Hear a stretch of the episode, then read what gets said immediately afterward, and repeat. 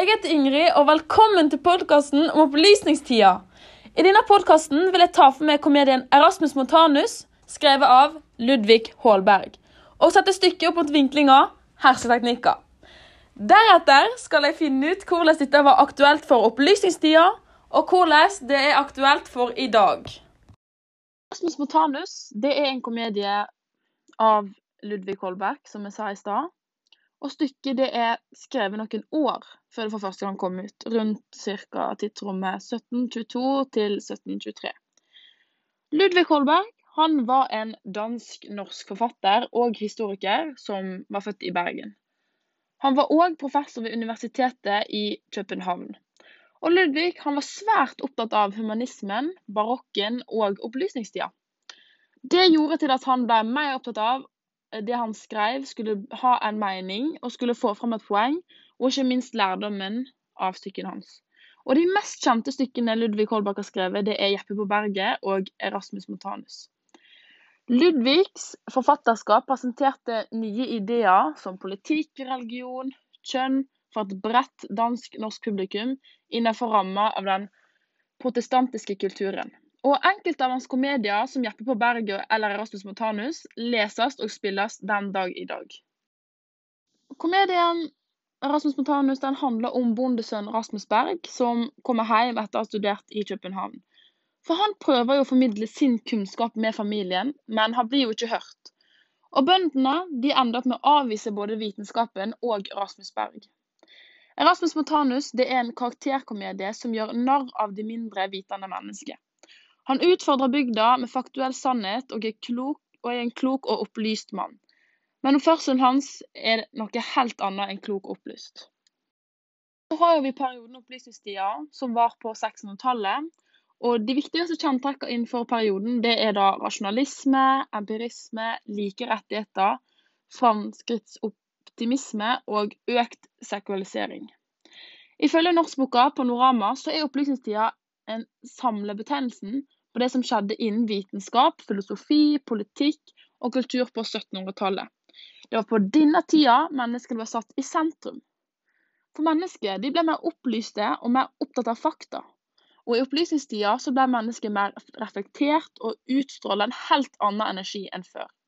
Og Ved opplysningstida så kjennetegner det at alle ting har en naturlig forklaring.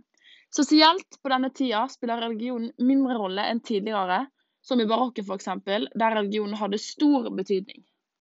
Skal vi gå over til sjangeren som Erasmus Montanus er skrevet i, så er jo det en komedie. Og det er jo en eldgammel sjanger, og har alltid en tydelig handlingstråd.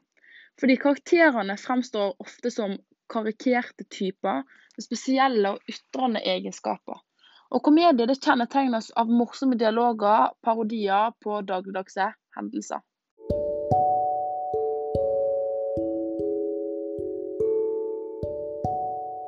Skal vi gå over til scene 4-2, så handler den om Erasmus som snakker med svigerfaren sin, som ikke vil at dattera skal ha noe med han å gjøre, fordi han mener jo at jorda er rund.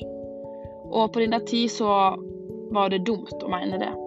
Og så seinere så kommer Per og Jens, fordi de har jo snakka med svigerfaren, og deretter blir det en stor diskusjon mellom Per Jens og Erasmus Montanus. Og I scenen så blir det en del uenigheter om Erasmus, som mener at jorda er rund, og at han velger å ofre kunnskap overfor henne. I denne scenen så vil jeg si at temaene er hersketeknikker, som f.eks. latterliggjøring og maktbruk, ikke minst. Fordi Hele scenen består av dytter både fra begge sider, og at de aldri kommer til en ende. Og skal jeg si litt om hva en hersketeknikk er, så er hersketeknikk en teknikk som blir brukt for å herske over enkeltpersoner eller grupper. Og ifølge psykolog Ingjald Nissen så er de fem hersketeknikkene usynliggjøring, latterliggjøring, tilbakeholdelse av informasjon, fordømmelse uansett hva du gjør, og påføring av skyld og skam.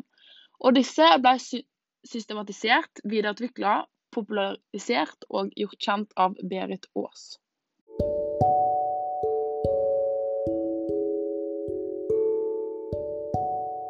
Når vi allerede er inne på hersketeknikker, så kan jo vi se at det er veldig masse hersketeknikk i stykket Erasmus Montanus. Fordi i stykket så vinner Rasmus Berg de fleste disputtene med folk i landsbyen. Men det er ikke pga. framragende logikk, men ved hjelp av hersketeknikker, som at han tar initiativ i samtalen og overrumler motparten. Og i scene 4-2 så kan vi se at både Erasmus Berg og Jens og Per bruker en del hersketeknikker. Fordi allerede i begynnelsen så bruker både Jens og Per en hersketeknikk. Ved f.eks. å latterliggjøre Erasmus om at han tar feil ved å si at jorda er rund. Og de gjør dette for å føle seg smarte og dra ned Erasmus. Mens han sjøl bruker òg en hersketeknikk. Han snakker f.eks. latin, som de andre ikke forstår, og det gjør at de føler seg usikre og kan føle seg kanskje litt dumme. Han bruker ord som motparten ikke forstår, sånn at han sjøl fremstår som smart, mens andre føler seg dum. Og dette gjør han for å få status og makt, og vise at han er smartere enn de. Han overrumler de med spørsmål og informasjon, og stiller de i en posisjon som gjør at de blir usikre og usynliggjort. Og dette er et dømme for stykket, det er at han sier at Per er en hane, og Erasmus han bruker makt og kunnskap for å få dette fram, men fortsetter å overrumle med kunnskap. Skal vi gå over til noen hersketeknikker som blir brukt i dag, sammenlignet med stykket, så kan språk og status være et tema. For i dagens samfunn så kan f.eks. man snakke annerledes til folk med lavere status, sånn at de ikke forstår. Men om det blir gjort bevisst eller ubevisst, det er en helt annen diskusjon. Vi har òg flere tilfeller på hersketeknikker som er brukt i dagens samfunn, bl.a. det å rette på noen som sier feil, fordi dette kan skje veldig ofte i dagens samfunn. Men det er ikke for å fremstå som bedre, men det kan skje bare automatisk uten at man tenker over det. Og I dag kan man òg se hersketeknikker som å usynliggjøre noen, som det å bli oversett eller ignorert. For å sammenligne med stykket og i dag, så ser vi at det er noen hersketeknikker som gjenspeiler seg, bl.a. språkbruk og makt, og det å bruke ord og begrep som motparten ikke forstår. Dette gjør Erasmus en god del i denne scenen, der han f.eks. snakker latinsk. Og En annen hersketeknikk som blir brukt, er å overrumle med informasjon. Og dette òg gjør Erasmus, med Per og Jens. Og dette kan òg være veldig typisk i dag.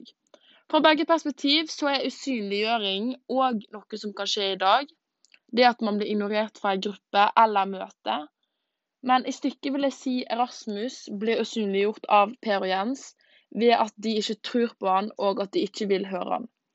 Men nå, for å runde av, så er Erasmus Montanus en komedie skrevet av Ludvig Hårberg under åpningshistoria.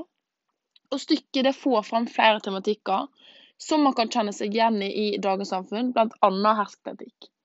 Vi ser flere likheter med denne tematikken, og at Erasmus er den som oftest legger opp til litt av sjøl. Og det er vanskelig å si om det er bevisst eller ubevisst, men det kommer fortsatt uansett. Så til slutt så vil jeg si takk for at du hørte på denne podkasten, og jeg håper du får en fin kveld videre. Ha det.